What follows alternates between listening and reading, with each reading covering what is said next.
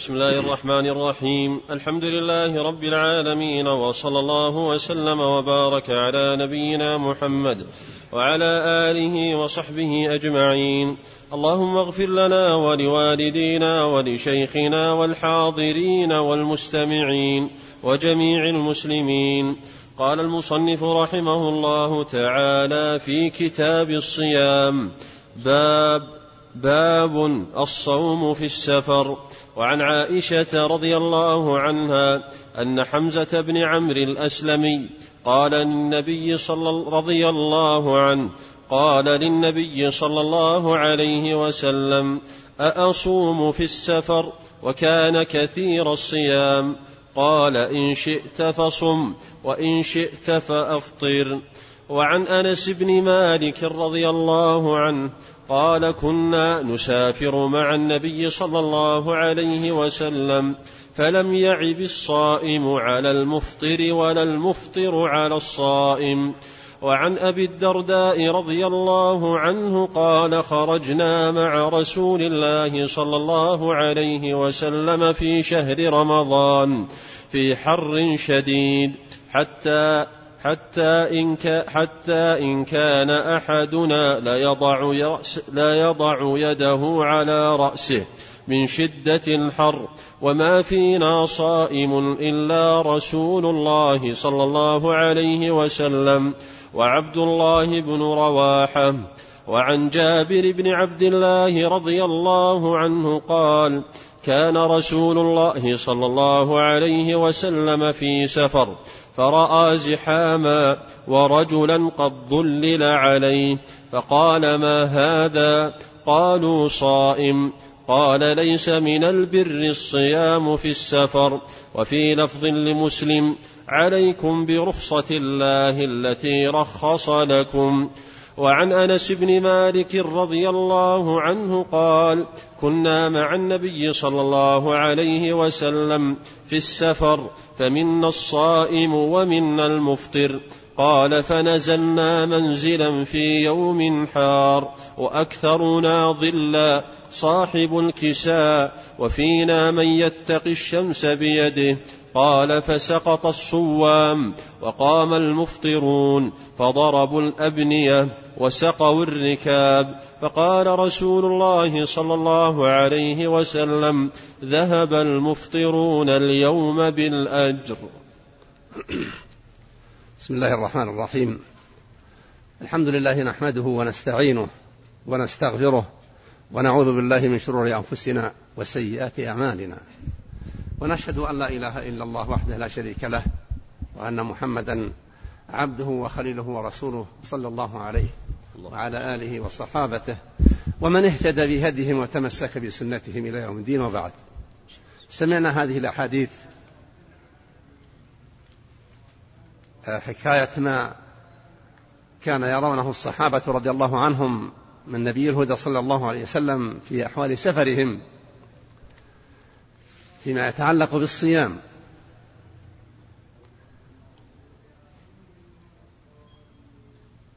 من كان حريصا على الصيام ويتحمله وألح على النبي أن يصوم فقال لمن سأله إن شئت فصم وإن شئت فأفطر في السفر.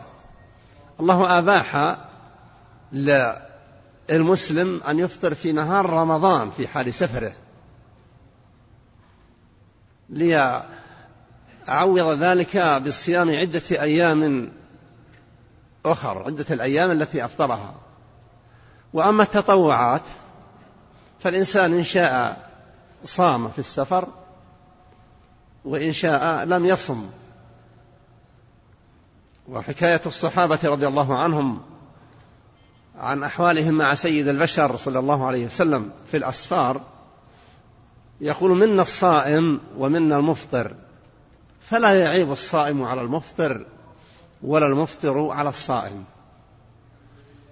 النبي عليه الصلاة والسلام لما رأى ازدحاما على رجل ظلل عليه من شدة الحر وكان صائما فسأل فأخبر فقال عليه السلام ليس من البر الصيام في السفر. يعني بذلك من كان الصيام يشق عليه. وأخبر أن الله يحب أن تؤتى رخصه. كما يكره أن تترك عزائمه جل وعلا.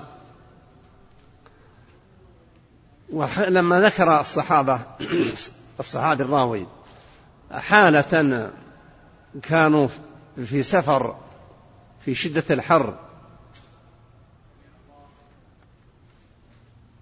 فلما وصلوا إلى المورد الصائمون كانوا مرهقين فلم يكن منهم عمل. ظمأ وشدة حر.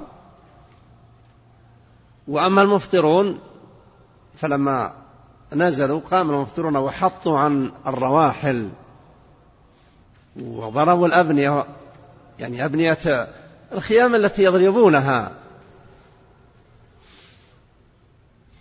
وسقوا الإبل.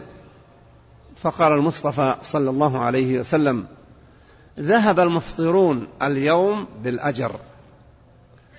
وهذا الحديث يدل على أنه إذا لم تكن الحال بهذه الصفة لا يكون المفطر أفضل من الصائم ولا الصائم أفضل من المفطر.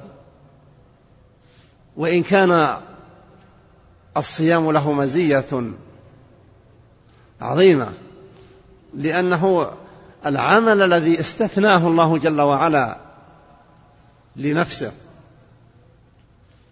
ففي الحديث كل عمل ابن آدم الحسنة بعشر أمثالها إلى مئة ضعف إلى سبعمائة قال الله إلا الصوم فإنه لي وأنا أجزي به. كذلك حديث الصيام في سبيل الله. فالصيام في السفر جائز وقد يكون أفضل إذا كان الصائم لا يحصل له أي مشقة من الصيام. والصيام إذا صام يصرفه عن كثير من الأمور التي لا ينصرف عنها المفطر. النبي صلى الله عليه وسلم يصوم في السفر. وفي هذا الحديث لم يكن منهم صائم سوى النبي صلى الله عليه وسلم ومعه عبد الله بن رواحة رضي الله عنه. أعداد الصحابة ليسوا بالكثرة. فالراوي عندما يتحدث عن وضعهم يتحدث عن وضع يعرفه. يعني يكاد يحيط بما هم عليه رضوان الله عليهم. لما احتيج إلى الإفطار في عام الفتح وكان وكان سفرهم في رمضان عام فتح مكة كانوا يصومون. وفي الطريق لما قربوا من مكة أخبرهم صلى الله عليه وسلم أنهم لاقوا العدو فيما بعد وأرشدهم إلى الإفطار. فلما قربوا أمرهم أمرا بالإفطار. بعض الصحابة رأى أنه فيه قوة وعنده جلد. فلم يفطروا فلما بلغ ذلك رسول الله صلى الله عليه وسلم قال أولئك العصاة. فألزمهم في تلك الحالة أن يفطروا وأفطروا. في حال السعة لا حرج على الإنسان أن يصوم. وإذا لم يشق عليه لا يقال أن الإفطار أفضل خير له.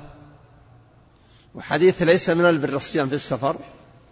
يعني إذا كان الصيام يرهق ويشق على الإنسان المسلم فليس من البر أن يصوم الإنسان ويتلقى مشقة كبيرة وقد أعطاه الله الإذن بالإفطار وقول الصحابي كنا نسافر مع رسول الله صلى الله عليه وسلم منا الصائم ومنا المفطر فلا يعيب الصائم على المفطر ولا المفطر على الصائم يدل على أنهم آلفون لذلك لا يستنكرون. لا يستنكر على المفطر أنه مفطر ولا يستنكر على الصائم أنه صائم. وإذا وجد أمر يستدعي فرسول الهدى صلى الله عليه وسلم بين أظهرهم يبين لهم ما من أمر يرى أن التزامهم له شاق عليهم إلا وأرشدهم إلى التخفيف عليه أفضل الصلاة والتسليم لأن الله وصف بأنه بالمؤمنين رؤوف رحيم. فهو عليه الصلاة والسلام أرأف بأصحابه وبالمؤمنين بالمسلمين أرأف من أي شخص آخر لأنه يعرف المصلحة لهم الحاضر والمستقبل صلوات الله وسلامه عليه. أحسن الله إليك. وعن عائشة رضي الله عنها قالت كان يكون علي الصوم في رمضان فما أستطيع أن أقضي إلا في شعبان. تذكر هذا رضي الله عنها تقول لمكان رسول الله صلى الله عليه وسلم منها. لا تريد أن تكون في وضع يمنع المصطفى صلى الله عليه وسلم مما قد يريده من أهله. ودل ذلك أيضا على أنه لا يحرم تأخير القضاء ما دام يثق الإنسان في الغالب من قدرته على القضاء لكن بدون سبب يحسن. من عليه قضاء أن يبادر بقضائه لعموم بادر بالأعمال يعني بالأعمال الصالحة فالمبادرة بالأعمال الصالحة من صفة وسمات أهل الحزم والعزائم القوية. لكن إذا وجد ما يستدعي التأجيل جاز كما كانت تفعل عائشة رضي الله عنها لأنها زوج محمد صلى الله عليه وسلم. وهي بدون شك أحب الناس إليه عليه الصلاة والسلام كما في حديث عمرو بن العاص رضي الله عنه وقد سأل النبي صلى الله عليه وسلم من أحب الناس إليك يا رسول الله؟ قال عائشة. قال ثم من؟ قال أبوها. قال ثم من؟ قال عمر رضي الله عنهم أجمعين.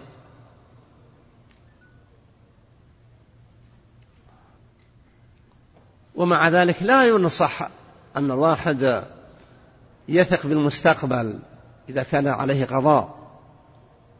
ويقول ما دام أن الأمر مدرك في السعة وقد يأتي رمضان في أيام شديد شديدة الحر فيقول أجل القضاء إلى الشتاء. أقصر نهارا وأقل شدة. ثم إن الإنسان إذا صام في شدة الحر وقضى ما عليه صابرا عظم أجره. وكذلك الصيام الذي في السفر في الجهاد أيضا الذي يصوم وأظن سيأتي الحديث هذا.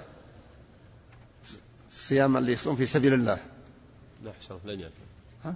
لن يمر علينا حسن النبي يقول عليه الصلاة والسلام من صام يوما في سبيل الله بعد الله جل وعلا بينه وبين النار سبعين خريفا. فالصيام في سبيل الله والمقصود في سبيل الله أيضا الجهاد. سفر الجهاد القتال. نعم أحسن الله إليك. وعن عائشة رضي الله عنها أن رسول الله صلى الله عليه وسلم قال من مات وعليه صوم صام عنه وليه. وأخرجه أبو داود وقال هذا في النذر. وهو قول أحمد وهو قول أحمد بن حنبل. حديث من مات وعليه صوم بهذا اللفظ وفي الصحيحين. وذكر المؤلف رحمة الله عليه برواية أبي داود لأن أبا داود رحمة الله عليه قال هذا في, في النذر. لأنه وردت أحاديث من مات وعليه شيء من رمضان ولم يصم أمر النبي بأن يطعم ذووه. يعني إذا مات إنسان وهو ما صام رمضان أو بقي بعض رمضان وكان بإمكانه أن يصوم أن يقضي لكن لم يفعل. فهو دين في ذمته. هذا الحديث المخرج في الصحيحين من مات وعليه صوم صام عنه وليه. الحديث مطلق عام.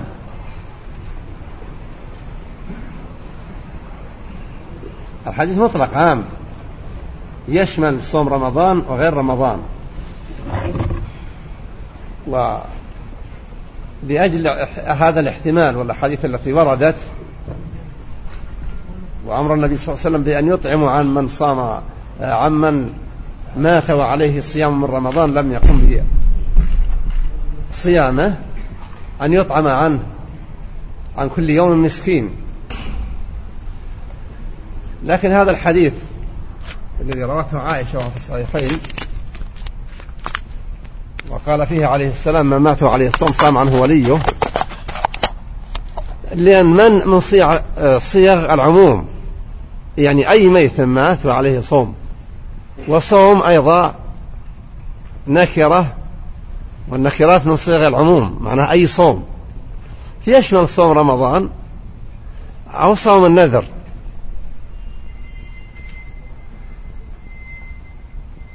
والأحاديث الأخرى قد يكون هذا الحديث الذي قال من مات وعليه الصوم صام عنه وليه قد يكون هو المتأخر.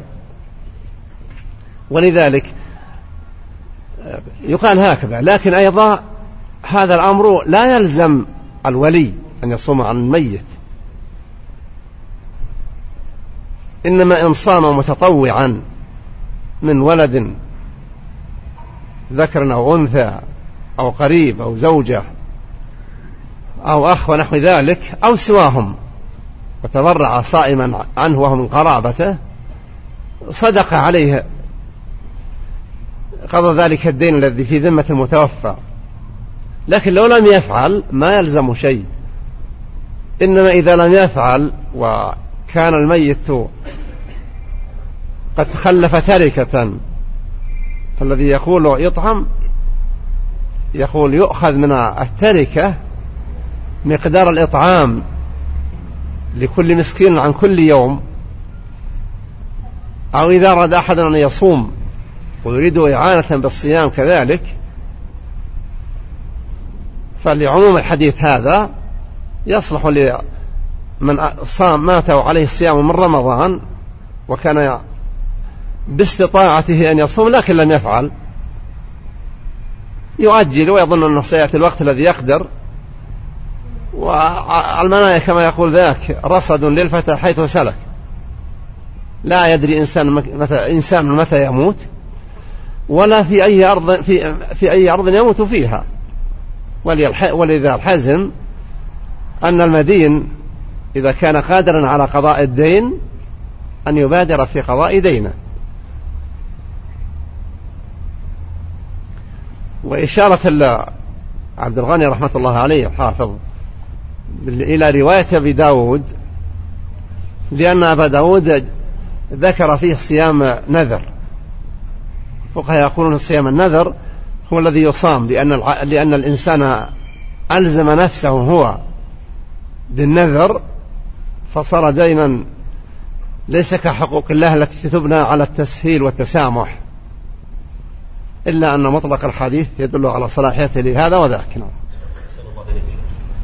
وعن عبد الله بن عباس رضي الله عنهما قال جاء رجل إلى النبي صلى الله عليه وسلم فقال يا رسول الله إن أمي ماتت وعليها صوم شهر أفأقضيه عنها؟ فقال لو كان على أمك دين أكنت قاضيه أكنت قاضيه. عنها قاضيه أكنت قاضيه عنها؟ لأن هذا نعم. لأن هذا خبر كان نعم. قال نعم. قال فدين الله أحق أن يقضى.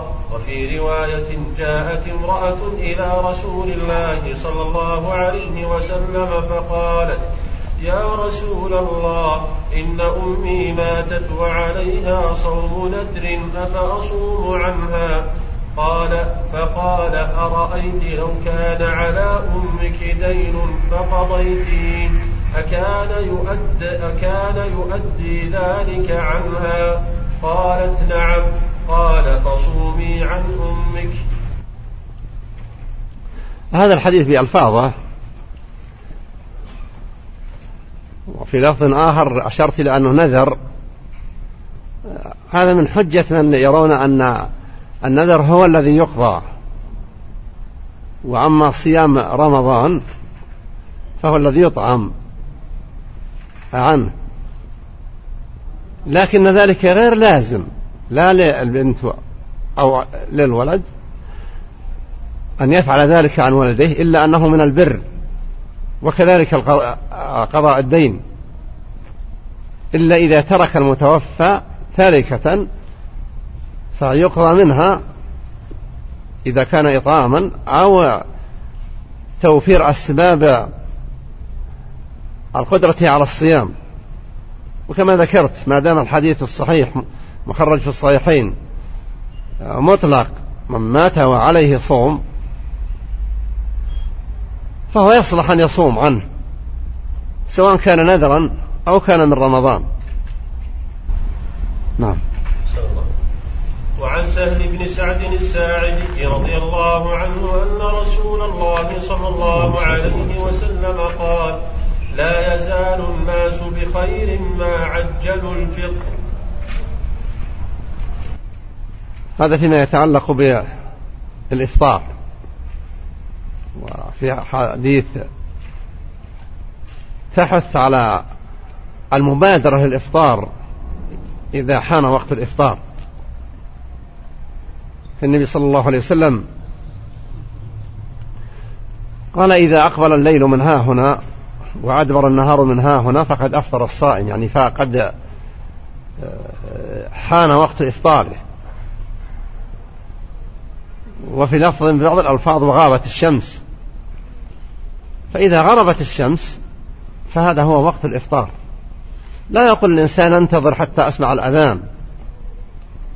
كأن يكون الإنسان في برية أو في مكان مرتفع يرى الشمس حتى اختفت في الأفق. إذا اختفت في الأفق فقد أحان وقت الإفطار. والمبادرة إلى الإفطار لما أباحه الله جل وعلا فالله يحب من عبده أن يبادر إلى ما كان ممنوعا منه بحكم شرعي وأباحه الله جل وعلا أيضا إباحة شرعية أن يبادر. فأحب الصيام إلى الله أعجلهم فطرا وآخرهم وآخرهم سحورا. وهذا يأتي أيضا في السحور. ولهذا سمى النبي صلى الله عليه وسلم السحور بالغداء المبارك. وقال الفرق قال فرق ما بين صيامنا وصيام أهل الكتاب أكلة السحور. وينبغي للمسلم في حال صيامه أن يعتني بذلك في السحور. لا يتناول ما يشتهي آخر الليل ثم يقول لا حاجة لي. ينبغي أن يتسحر ولو كان أكل ولو بشربة ماء عند السحر. الله جل وعلا كلوا واشربوا حتى يتبين لكم الخيط الأبيض من الخيط الأسود من الفجر. فهذا التبين هو وقت الصيام. هذا الأمر ليس بأمر إيجاب وإنما هو أمر إباحة. كلوا واشربوا حتى يتبين. لكن أيضا هذا وضح المراد بالتأخير قول المصطفى صلى الله عليه وسلم أحب الصائمين الله آخرهم سحورا. وبين أن الصحابة في رواياتهم عن السحور من بين صلاة الفجر والانتهاء من السحور قدر ما يقرأ القارئ خمسين آية. وهم لا وهم لا يصلون إلا بعد أن يتبين الفجر بيان تبينا كبيرا. يدل على بل أكثر من ذلك كان بعض الصحابة لما يكون في سفر يعقل راحلته بينه وبين المشرق ويتسحر. خشية أن يتبين له شيء يشوش عليه. لكن من أيضا معلوم أن طعامهم وسحورهم وإفطارهم يجري على البساطة. يتسحر الواحد على تمرات ويفطر على تمرات إن وجدت. وإلا ففي حديث هذا الحديث الذي يقول فيه إذا أقبل الليل من ها هنا في بعض ألفاظه قال المصطفى صلى الله عليه وسلم انزل فاجدح لنا والجدح خلط السويق بالماء. فقال إن علي النهار فقال له النبي انزل. فقال فلما كر الثالثة قال إذا أقبل الليل من ها هنا وأدبر النهار من ها هنا فقد أفطر الصائم. فحال إفطارهم وسحورهم على قدر أحوالهم التي كانوا عليها مع سيد البشر صلى الله عليه وسلم. يعني قد لا يحتاج الواحد لسحوره لخمس دقائق ولا لإفطاره إلا لأقل من ذلك. وفتح الله على أيديهم ما فتح ومصر على بسبب فضل الله عليهم بجهادهم ثم بجهادهم ما مصر فنسأل الله جل وعلا أن يغفر لأموات المسلمين ويترضى عن صحابة نبيه صلى الله عليه وسلم أجمعين وتابعيهم وتابع تابعينهم الذين شهد لهم صلى الله عليه وسلم بأنهم خير القرون. نعم. وعن عمر وعن عمر بن الخطاب رضي الله عنه قال قال رسول الله صلى الله عليه وسلم إذا أقبل الليل من ها هنا وأدبر النهار من ها هنا فقد أفطر الصائم. وهذا الذي أشرت إليه أشرت إليه. لما يكون في خلا وينظر جهة المشرق يرى أن الظلام أكثر منه في جهة المغرب. لأن لا يزال تزال أشعة الشمس وأن اختفت يسطع منها شيء من النور. فالليل من جهة المشرق مقبل. والنهار من جهة المغرب مدبر باختفاء الشمس. فيقول عليه السلام إذا أقبل الليل من ها هنا وأشار للمشرق وأدبر النهار من ها هنا فقد أفطر الصائم. يعني فقد حل للصائم أن يفطر حان وقت إفطاره. نعم. وعن عبد الله بن عمر رضي الله عنهما قال نهى رسول الله صلى الله عليه وسلم عن الوصال. قالوا إنك تواصل. قال إني لست مثلكم. إني أطعم وأسقى. رواه أبو هريرة وعائشة وأنس بن مالك رضي الله عنهم. ولمسلم عن أبي سعيد الخدري رضي الله عنه. فأيكم أراد أن يواصل. فليواصل إلى السحر. رضي الله عنهم وأرضاهم. كانوا حريصين على الخير جادين في التقرب إلى الله جل وعلا بالطاعات. النبي عليه الصلاة والسلام كان يواصل يؤخر لا يفطر ويكتفي بالسحور. فقالوا له فأراد أن يواصل فنهاهم لشفقته عليهم ورحمته بهم. وحرصه على أن يكونوا في حال صحة وقوة. فقالوا له إنك تواصل. قال إني لست كهيئتكم. إني أبيت عند ربي يطعمني ويسقيني. يعني أن الله جل وعلا يمنحه من التلذذ بذكر الله جل وعلا ومناجاته. ما يسهل عليه المواصلة. ولما ألحوا واصل بهم إلى السحر وأراد أن يكرر عليهم لكن رمضان انتهى. قال لو تأخر لواصلت بكم كالمؤدب لهم صلى الله عليه وسلم. فالأفضل للإنسان ألا يواصل حتى لو قدر. ما دام أن النبي عليه الصلاة والسلام حث أصحابه على ترك المواصلة لكن لو واصل الواحد ما يقال أنه قد ارتكب أمرا محرما. لأن النبي عليه الصلاة والسلام لما واصل بهم ثلاثة أيام دل على أن هذا العمل غير محرم. وإنما لعلمه أن مصلحتهم في صحتهم وقوة أبدانهم وقدرتهم على الكدح أن يفطروا ورغبتهم أيضا في بعض الأشياء. لكن لما واصل بهم عليه الصلاة والسلام دل على أن المواصلة إذا حصلت لا يقال أنها منكر وذنب. إلا أن الشيء الذي كان أحب إلى رسول الله صلى الله عليه وسلم ينبغي أن يكون أحب إلى الناس في وقت دائم. نعم. قال المصنف رحمه الله تعالى باب أفضل الصيام وغيره. عن عبد الله بن عمرو بن العاص رضي الله عنهما قال أخبر رسول الله صلى الله عليه وسلم أني أقول والله لأصومن النهار ولأقومن الليل ما عشت. فقال رسول الله صلى الله عليه وسلم أنت الذي قلت ذلك فقلت له قد قلته بأبي أنت وأمي فقال إنك لا تستطيع ذلك فصم وأفطر ونم وقم وصم من الشهر ثلاثة أيام فإن الحسنة بعشر أمثالها وذلك مثل صيام الدهر قلت فإني أطيق أفضل من ذلك قال فصم يوما وأفطر يومين قلت أطيق أفضل من ذلك. قال فصم يوما وأفطر يوما فذلك صيام داود وهو أفضل الصيام. قلت إني أطيق أفضل من ذلك.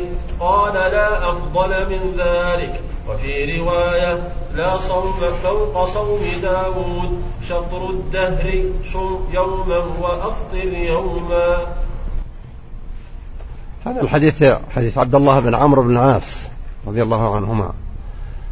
النبي صلى الله عليه وسلم جاء ثلاثة أشخاص أو أربعة إلى أمهات المؤمنين يسألونهن عن عمل النبي صلى الله عليه وسلم. فكأنه لما حدثوا به تقالوه. فقالوا من مثل من منا مثل رسول الله صلى الله عليه وسلم؟ مغفور له. فبعضهم قال لا أتزوج النساء. وبعضهم قال لا أصوم الدهر كله. بعضهم قال لا أنام. فسألهم النبي صلى الله عليه وسلم وأخبروا. أنهم قالوا ذلك. سيدنا عبد الله بن عمرو بن العاص. قال له قال له أنت الذي قلت كذا وكذا؟ قال بأبي أنت وأمي قلته فقال له ما سمعنا فنهاه النبي. فلما قال صم يوما وأفطر يوما قال أطيق أفضل من ذلك فقال عليه السلام لا صوم أفضل من ذلك وهو صيام داود عليه السلام. وسبحان الله العظيم داود عليه السلام صلاته آه، في التطوع أفضل الصلوات وصيامه في التطوع أفضل الصيام. كان رضي الله عنه يصوم يوما ويفطر يوما وكان في الصلاة ينام نصف الليل ثم يقوم ثلث الليل ثم ينام سدسه الدهر كله. ولهذا قال النبي صلى الله عليه وسلم لا أفضل الصيام صيام داود وأفضل الصلاة صلاة داود عليه السلام. عبد الله بن عمرو بن العاص رضي الله عنهما ألح على أن يصوم صيام داود كان يريد أن يصوم أكثر يسرد الصيام النبي رد عليهم هذه المقولة وقال لهم لكني أصلي وأنام وأصوم وأفطر وأتزوج النساء فمن رغب عن سنتي فليس مني.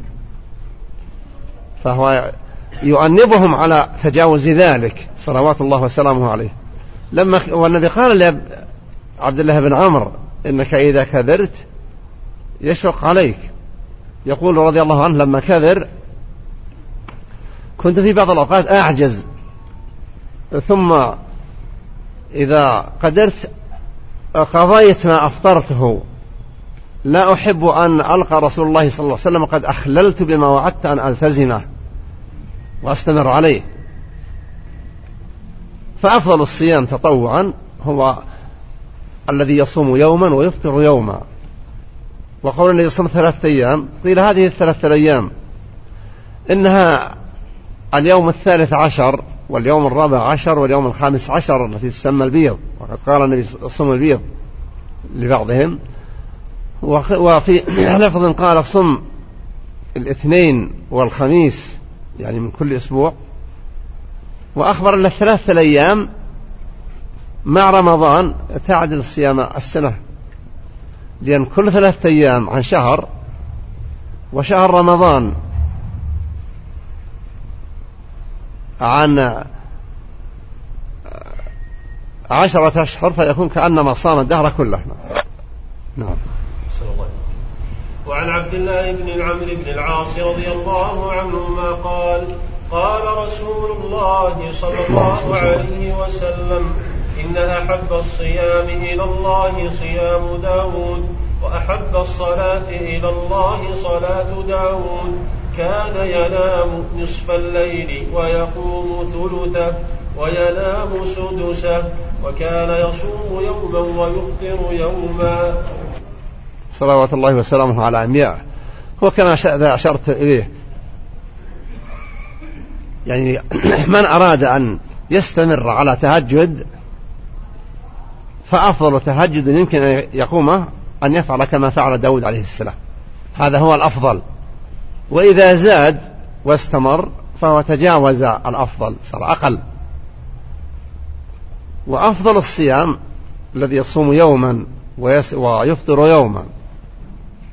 فجمع الله لداود عليه السلام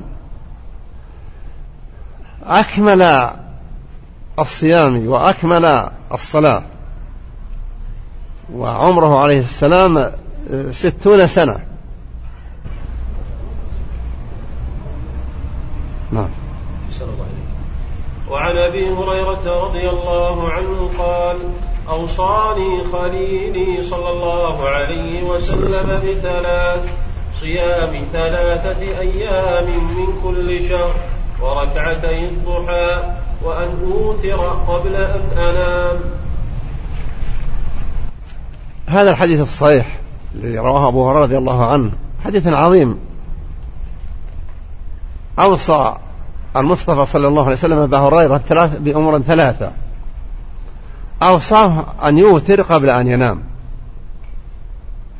والإنسان الذي يخشى أن لا يستيقظ آخر الليل من الحزم أن يأخذ بوصية النبي صلى الله عليه وسلم لأبي هريرة. قبل أن ينام يوتر إن استيقظ آخر الليل يصلي ما قدر له لكن لا يوتر لأنه لا وتران في ليلة. وإن لم يستيقظ يكون قد قضى ما أراد أن يقضيه من الوتر. مما أوصاه صلى الله عليه وسلم أوصى أبا هريرة به أن يصوم من كل شهر ثلاثة أيام. هل هي الأيام البيض؟ ورد في بعض الآثار. مما أوصاه به ركعتي الضحى. وركعة الضحى لهما شأن كبير. كل إنسان يصبح يصبح وقد وجب عليه أن يتصدق بستين وثلاثمائة صدقة. جسم ابن آدم كون من ستين وثلاثمائة مفصل. كل مفصل يحتاج إلى صدقة شكرا لله. إذا أصبح ابن آدم والمقصود فيه المسلم الكافر ما هو فيها لا ينفع لا ينفعه صدقة في الآخرة. الصحابة لما قال لهم النبي هذا الكلام قالوا ليس كلنا يقدر على أن يتصدق. قال إن بكل تكبيرة صدقة وبكل تهليلة صدقة وكل تحميدة صدقة. وأمر بالمعروف صدقة ونهي عن المنكر صدقة. وإعانتك العاجز عن حمل متاعه ليحمله صدقة. وصناعتك للأخرق الذي لا يحسن صناعته لنفسه أي, أي عمل. وكفك أذاك عن الناس صدقة. قال ويجزئ من ذلك ركعتا الضحى. فإذا ركع الواحد ركعتين في الضحى يكون بأدائهما قد قضى ستين وثلاثمائة صدقة وما يأتي بعد ذلك يكون أرباحا. هذا في ركعتي الضحى التي أوصى النبي صلى الله عليه وسلم أبا هريرة بها. أكثر ما عرف أن النبي صلى وهذا قد مر في الصلوات أكثر ما عرف أن النبي صلى في الضحى ما صلاه عام الفتح في بيت أم هانة صلى ثمانية ركعات الضحى. لكنه لم ينهى عن الزيادة. في حديث صلاة الأوابين ركعتان حين ترمض الفصال يعني إذا اشتدت الحرارة الأرض الضحى في وقت ما تكون أولاد الإبل حديثة العهد بالولادة يؤلمها السير في الرمضة في ذاك الوقت هو وقت صلاة الأوابين الرجعين إلى الله. في الصلاة أيضا من صلى الفجر وجلس يذكر الله محتفظا بطهارته حتى تطلع الشمس. وهو في مصلاه في مسجده ثم قام فصلى ركعتين كان كأنما أدى عمرة وحجة تامة. يعني في الثواب. وفضل الله لا حدود له. أعلم وعن محمد بن عباد بن جعفر قال سألت جابر بن عبد الله رضي الله عنهما أنهى النبي صلى الله عليه وسلم عن صوم يوم الجمعة قال نعم وزاد مسلم ورب الكعبة. وعن أبي هريرة رضي الله عنه قال سمعت رسول الله صلى الله عليه وسلم يقول لا يصومن أحدكم يوم الجمعة إلا أن يصوم يوما قبله أو يوما بعده. هذا فيما يتعلق بالنهي عن الصيام. يوم الجمعة هو أفضل أيام الأسبوع وهو عيد الأسبوع. وكما قال عمر رضي الله عنه لما قال اليهودي آية نزلت عليكم لو علينا أنزلت اتخذنا ذلك اليوم عيدا. قال عمر أي يوم؟ أي آية؟ قال اليوم أكملت لكم دينكم. قال إني لا أعلم متى أنزلت وأين أنزلت. أنزلت على رسول الله صلى الله عليه وسلم في عرفة في يوم جمعة. يعني فهو عيد. فالنبي نهى عن صيام يوم الجمعة إلا أن يصام يوما قبله أو يصام يوما بعده. ودخل في بيته صلى الله عليه وسلم على إحدى النساء فرآها صائمة. فقالت إنها صائمة. قال أصمت يوم أمس؟ قال لا قال أتصومين يوم غدا قالت لا. قال أفطري. وهذا الحديث واضح. النبي نهى أن يفرد يوم الجمعة بصيام. لكن إذا صام الواحد يوم الجمعة ونيته أن يصوم السبت جاز إذا صام الخميس وصام معه يوم الجمعة جاز نعم. وعن أبي عبيد مولى بن أزهر واسمه سعد بن عبيد قال شهدت العيد مع عمر بن الخطاب رضي الله عنه فقال هذان يومان نهى رسول الله صلى الله عليه وسلم عن صيامهما. يوم فطركم من صيامكم واليوم الآخر تأكلون فيه من نسككم. هذا في النهي عن صيام يومي العيدين. فلا يحل صيامهما. ولو صام أحد أحد يوم العيدين لقضاء نذر أو غيره ما صح ذلك لأن النهي يقتضي البطلان. وقد نهى النبي صلى الله عليه وسلم عن صيام يوم الفطر يوم عيد الفطر ونهى عن صيام يوم الإضحى عيد الأضحى. وأكد عمر رضي الله عنه ذلك على ملأ من الناس. وهناك أيام التشريق وهي الحادي عشر والثاني عشر والثالث عشر أيام أكل وشرب. لم يأذن النبي بصيامهما إلا من كان متمتعا حاجا متمتعا وليس معه هدي هدي التمتع. ولم يصم قبل يوم عرفة فإنه يصوم أيام التشريق لتتم له صيام ثلاثة أيام في الحج. وأما في الآفاق فلا يحل لهم أن يصوموا أيام التشريق. فصيام رمضان هو صيام الفطر لما أفطر الناس من الشهر الذي فرضه الله عليهم فلا يحل لأحد أن يصوم يوم العيد. ويوم الأضحى هو يوم أكلهم من نسكهم. وفرحهم بذلك يوم عيد ينبغي أن يكونوا عاملين بهذا العيد بما يقتضيه الفرح والسرور بالوصول في ذلك اليوم إلى ذلك اليوم نعم. وعن أبي سعيد الخدري رضي الله عنه قال نهى رسول الله صلى الله عليه وسلم عن صوم يومين الفطر والنحر وعن الصماء وأن يحتبي الرجل في الثوب الواحد وعن الصلاة بعد الصبح والعصر أخرجه مسلم بتمامه وأخرج البخاري الصوم فقط اليوم أنا التي الثاني مر في حديث عمر رضي الله عنه وهما يوم العيد وفيما يتعلق بالصمة هو أن يحتبي الواحد يلبس. يلبس الثوب الذي لا أكمام له. إذا أراد فكما يكشف عورته. السم صمى لأنه لا منافذ له. والاحتباء بالثوب الواحد الذي ليس على عورته ستر. وكانت الحبوة عند العرب لها شأنها. وأصبحت الآن شبه أقرب للندرة. وإن كانت توجد عند بعض قبائل العرب في الجزيرة أيضا.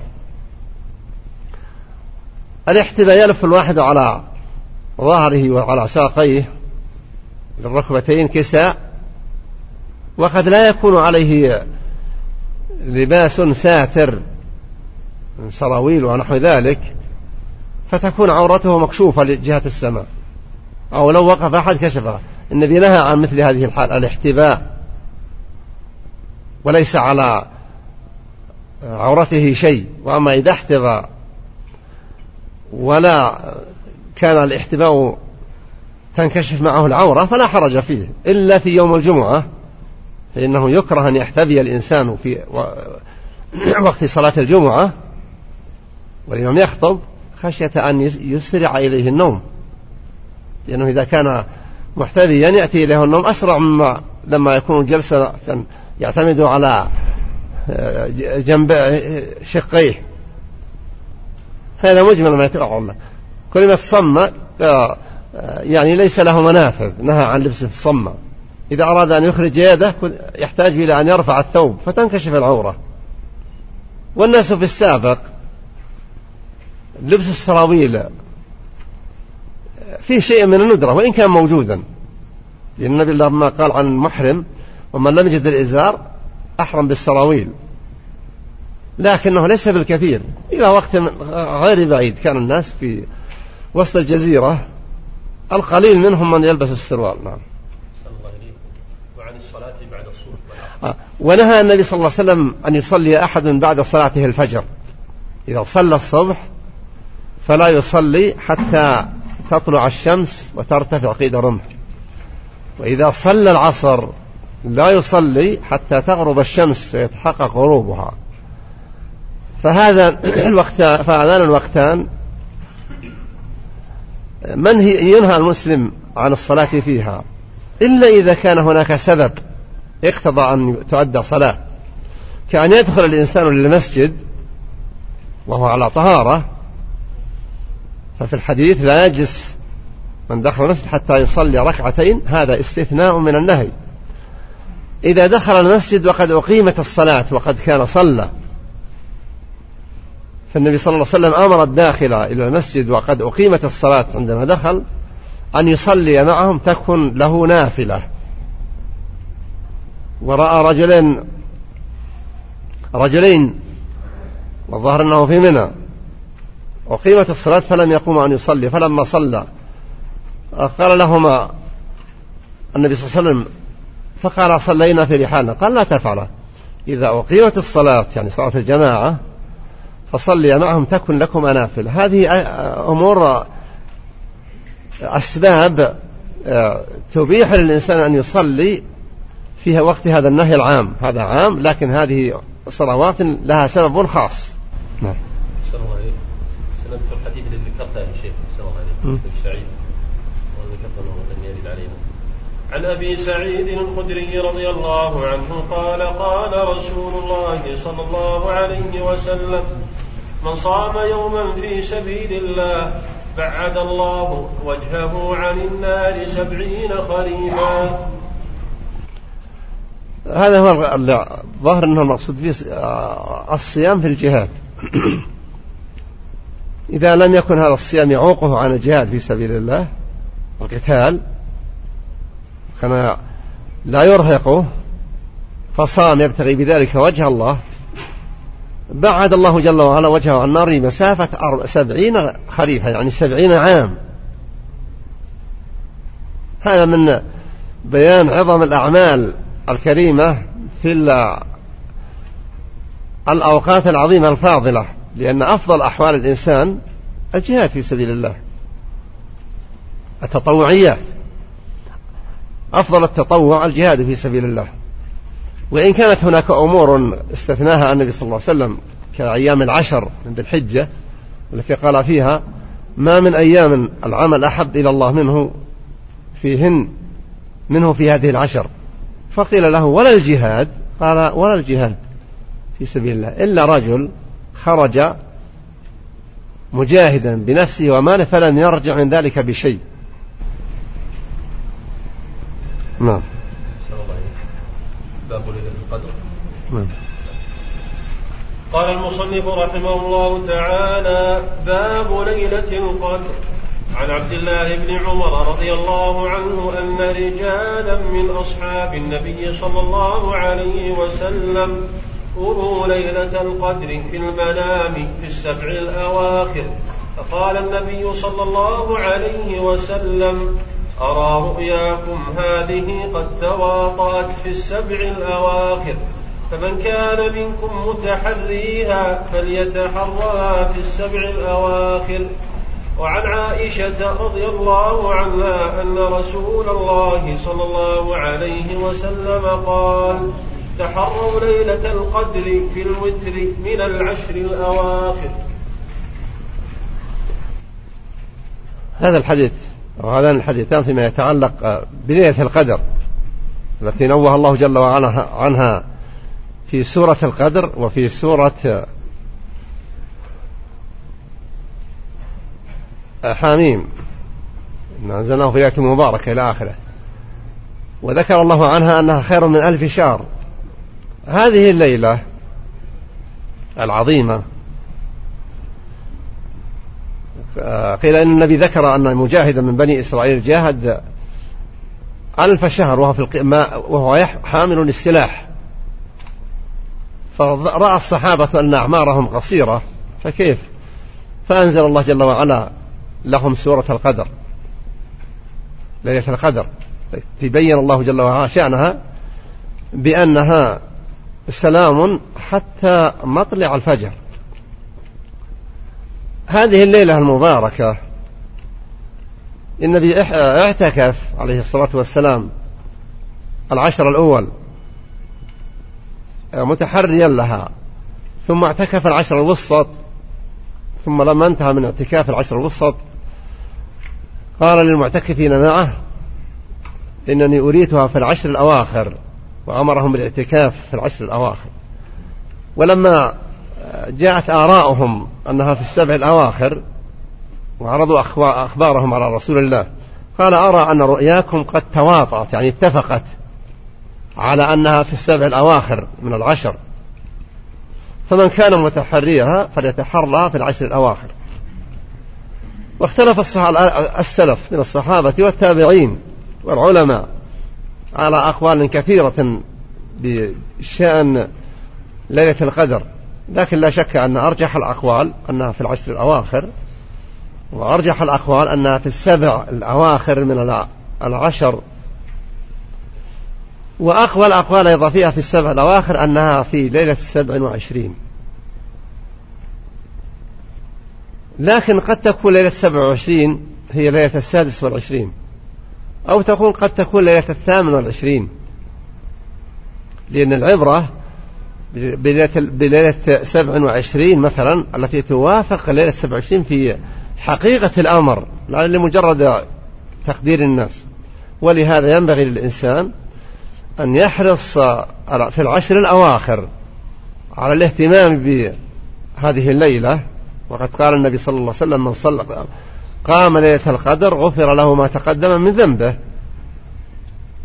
وأن يكثر من الدعاء وقد قالت عائشة رضي الله عنها إن أنا وافقت ليلة القدر ما أقول قال قولي اللهم إنك عفو تحب العفو فعفو عني.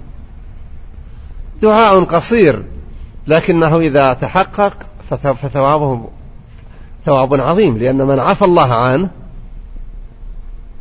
فقد قضى عنه كل حقوق وأجاره من كل مكروه. وقد ذكر الحافظ بن كثير بن حجر قرابة أربعين قولا لكن أصحها أنها في العشر الأواخر وأصحها أنها في, في السبع الأخيرة من شهر من العشر الأواخر لكن النبي قال أنها في الأوتار. هذا هو الأقرب.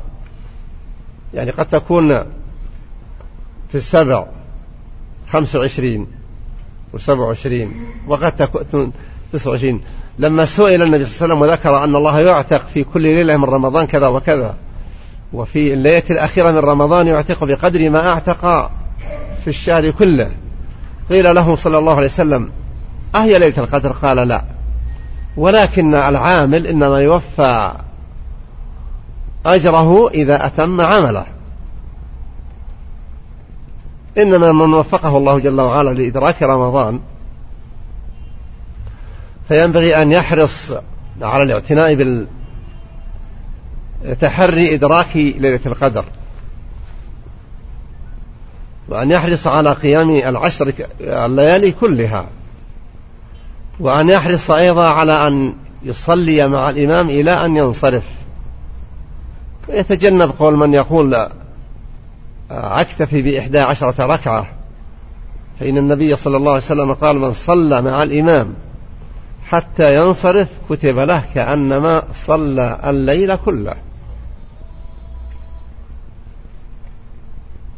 والأقوال التي جاءتنا في في الفترة الأخيرة 11 ركعة هي في الحقيقة ما كانت في الأول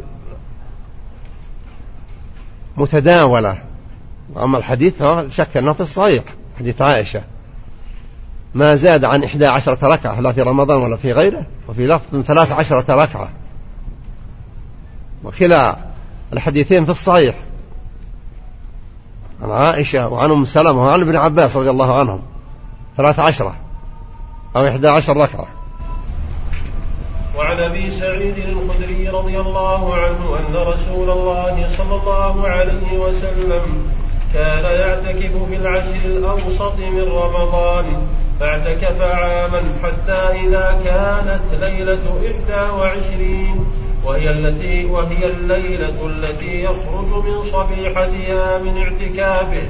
قال من اعتكف معي فليعتكف فليعتكف العشر الأواخر.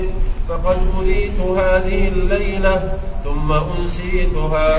فقد رأيتني أسجد في ماء وطين من صبيحتها فالتمسوها في العشر الأواخر في كل وتر.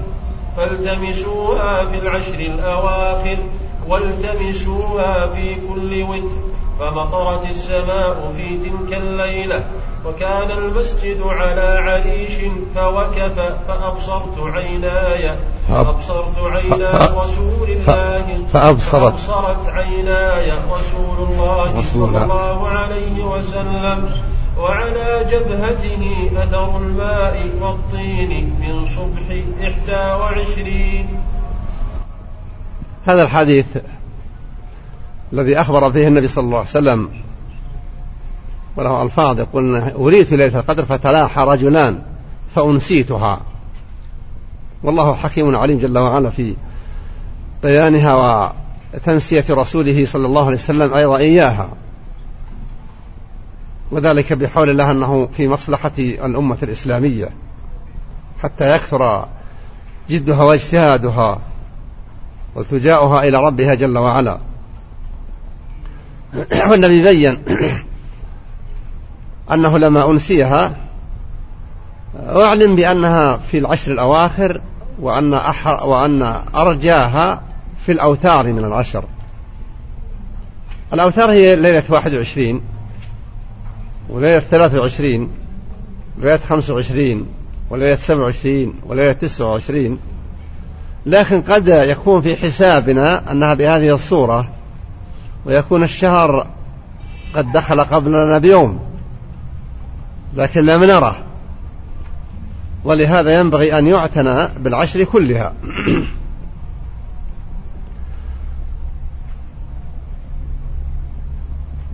والأوتار تكون هي الأولى. وكان أبي بن كعب رضي الله عنه يجزم بأنها ليلة سبع وعشرين. والرجل الذي جاء إلى النبي صلى الله عليه وسلم وألح عليه أن يخبر يخبره قال لا تغلب على أوتار العشر. فلما ألح قال لا تغلب على ليلة سبع وعشرين. فالإنسان يحرص جميعها أيام محدودة. يحرص في العشر الأواخر أن يتهيأ السهر في التهجد ومن أقوى ما يعين الإنسان على التهجد في الليالي أن يأخذ قسطا من النهار للنوم للراحة حتى يكون متهيئا في الليل. والناس في السابق كانوا يقرؤون قراءة كثيرة. كانوا في الأيام العشر ربما قرأ الإمام في التهجد ما يسمى بالقيام يقرأ في حدود ستة أجزاء في الليلة إذا كان يقرأ بترسل ولا يسرع. وإن كان يسرع قرأ تسعة أجزاء وربما قرأ عشرة في الليلة الواحدة.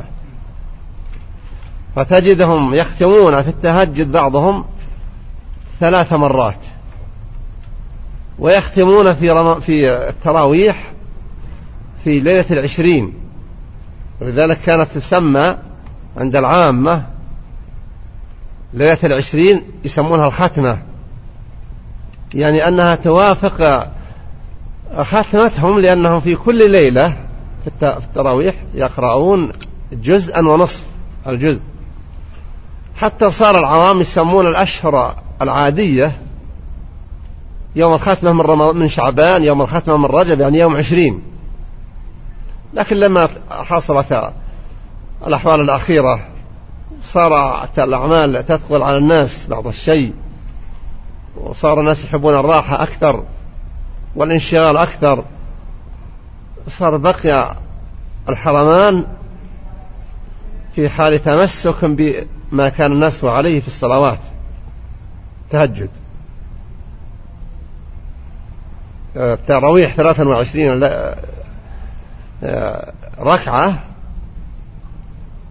والتهجد عشر يكون في العشر الأواخر التهجد ثلاثا وثلاثين ركعة. ولا شك أنه لا إشكال في ذلك في الشرع.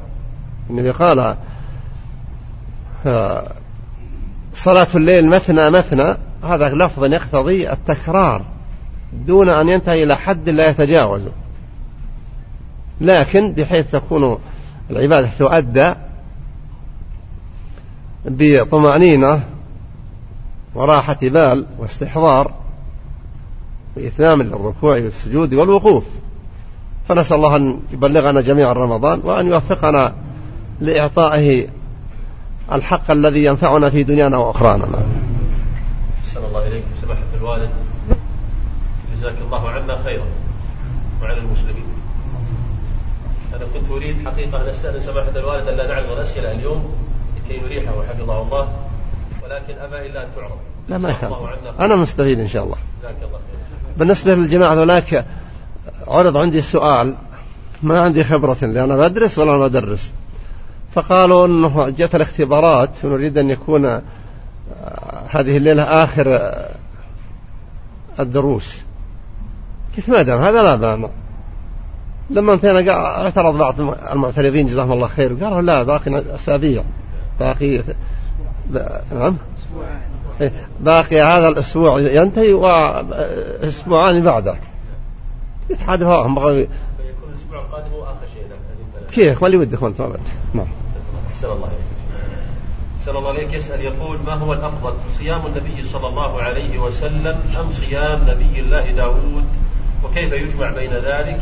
أحسن الله إليك. أولا لا تنافر بينهما حتى يقال كيف يجمع. النبي هو الذي أخبر عن صيام داود عليه السلام. والنبي عليه الصلاة والسلام شريعته شريعة عامة.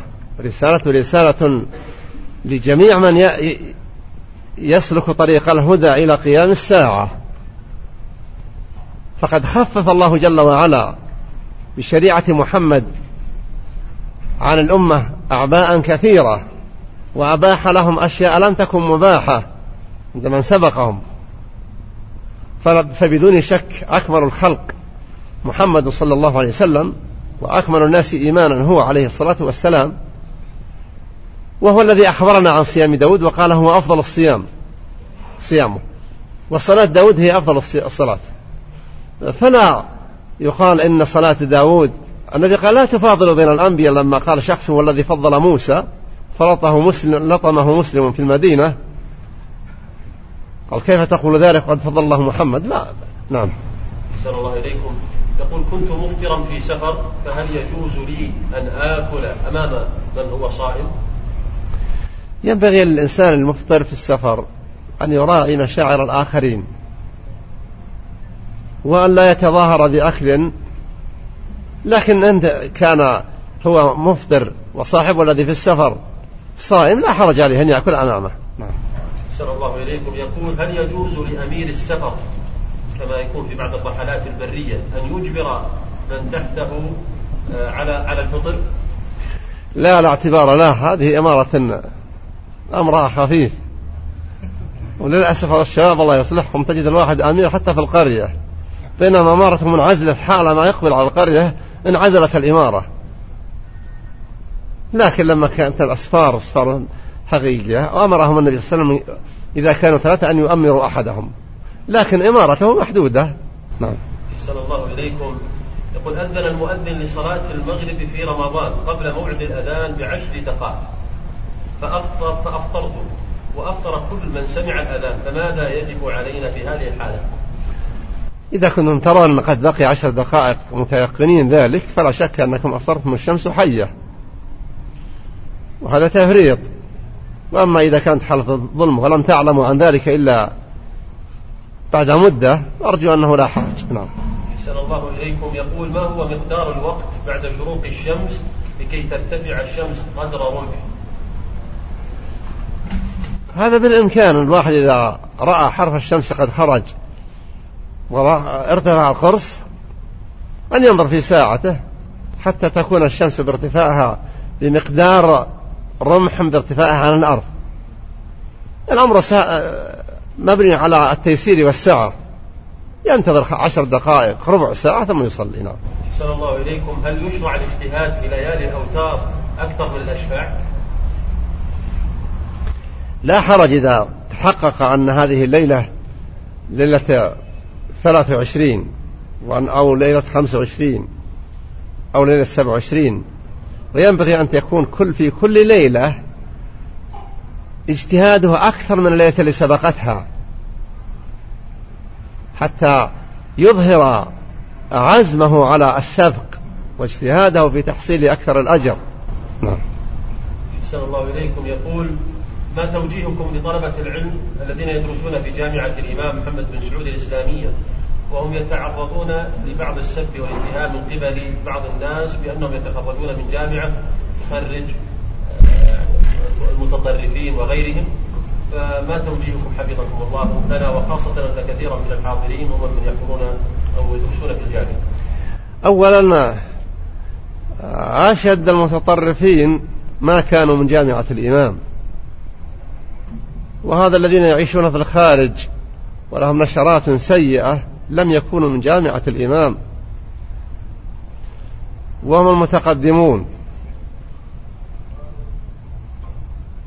وكونه يكون في جامعة الإمام أناس متطرفون فقد كان في التابعين أناس من الخوارج. فهذا لا يعيبهم. لكن ينبغي أيضا أن يعرف الطلاب جامعة الإمام وقائع الأحوال.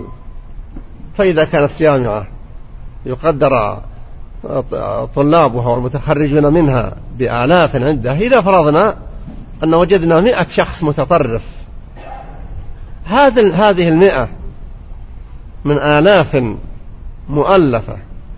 لا يقال هذا أغلبية بل الأغلب ولله الحمد هم أهل الاستقامة والسكينة واحترام الشريعة ولزوم السمع والطاعة لأن الشريعة جاءت بتوجيه الناس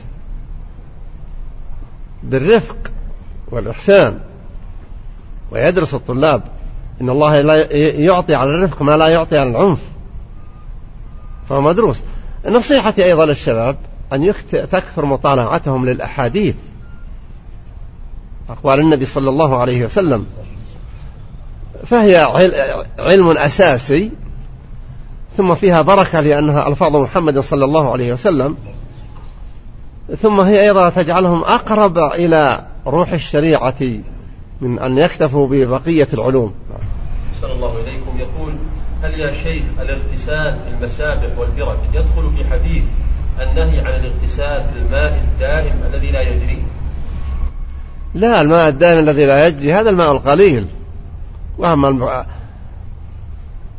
البركة الجارية الكبيرة فهذه إذا بلغ الماء قلتين لا يحمل الخبث. والقلتين شيء قليل فكيف إذا كان بركة كبيرة؟ نعم. أحسن الله إليكم يقول ما حكم الخروج من المسجد بعد الأذان والذهاب إلى الصلاة في مسجد آخر؟ شاء الله الخروج من المسجد بعد الأذان هذا مكروه كراهة شديدة فإن كان يخرج ليقوم بإمامة قوم هو إمامهم فهذا لا يدخل في هذا العموم. وأما إذا كان يخرج لا ليصلي مع جماعة فإنه لما قام خرج رجل قال أبو هريرة رضي الله عنه أما هذا فقد عصى أبا القاسم صلى الله عليه وسلم. النبي نهى من كان في المسجد أن يخرج بعد الأذان إلا إذا كان سوف يخرج ليؤم قوما أو ليؤذن لمسجد وأمثال ذلك أو لأمر ضروري لا يستطيع أن يتخلف عنه. والله جل وعلا أيضا يحب العذر. لا أحد أحب إليه العذر من الله جل وعلا. نعم. أحسن الله إليكم سماحة الوالد. ومع هذا الجو الذي عشناه نحن وإياكم في هذا الدرس نريد كلمة منكم نختم بها هذا المجلس عن تقدير نعم الله عز وجل ومنها هذا الكهرباء. إيه؟ نعمة الكهرب نعمة النعم التي الله فيها الله جل وعلا يقول وإن تعدوا نعمة الله لا تحصوها. ويقول جل وعلا وما بكم من نعمة فمن الله. الإنسان ينبغي أن يكون دائما كثير الالتفات إلى نعم الله. إذا أصابه صداع فليتفكر كم أصابه هذا الصداع.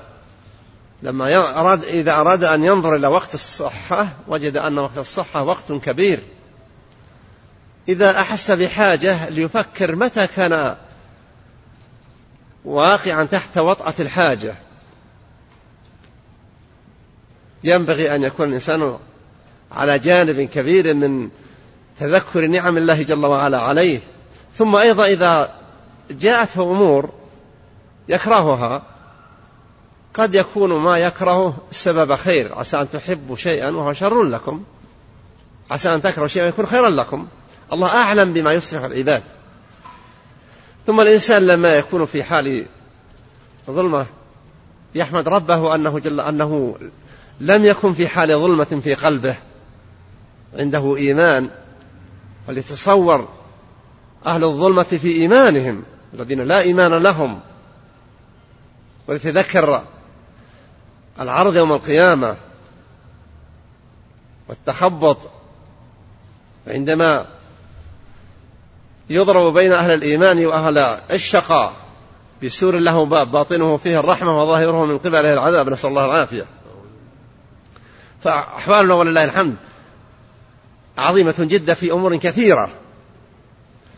وإذا أصاب الناس شيء يكرهونه فليتذكروا كثرة ما أصابهم من الأمر الذي يحمدونه. لكن ابن آدم كثيرا ما ينسى أيام الرخاء إذا مرت وجاءته أيام البؤس. فليتذكر الآخرة فإن في الآخرة ينظر إلى أعظم الناس آه، نعمة في الدنيا وترفا وراحة بال وهو من أهل النار فيغمس في النار ثم يقال له يا ابن آدم هل مر بك يوم نعيم قط؟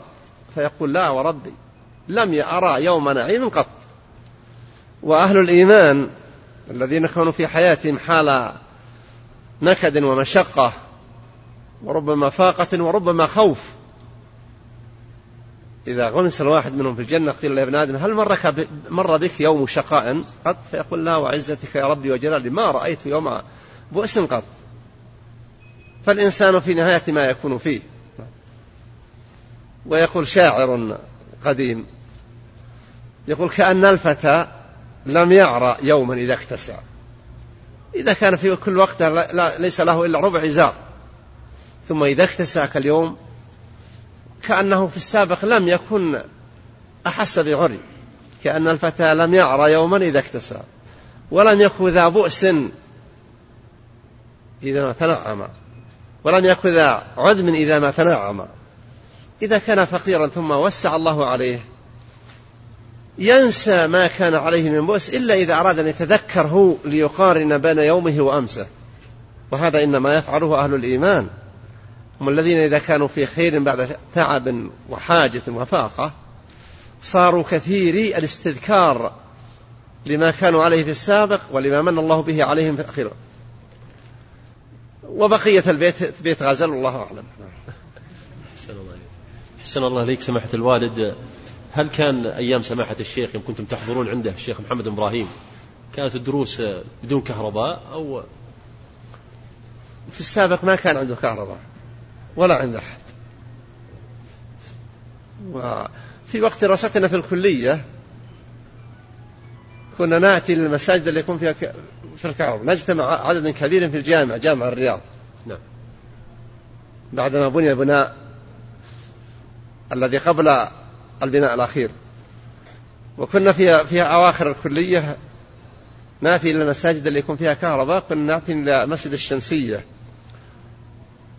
قصر آه، نوره أخت الملك عبد العزيز وزوجة الأمير سعود بن عبد العزيز العرافة لأنها لأن في بيتهم في مسجدهم نور مستمر.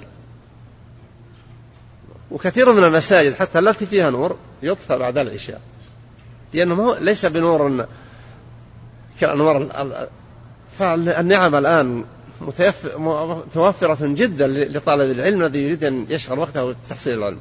كيف كان الصوت؟ أحسن الله إليك شيخ محمد. كيف يوصل للطلاب؟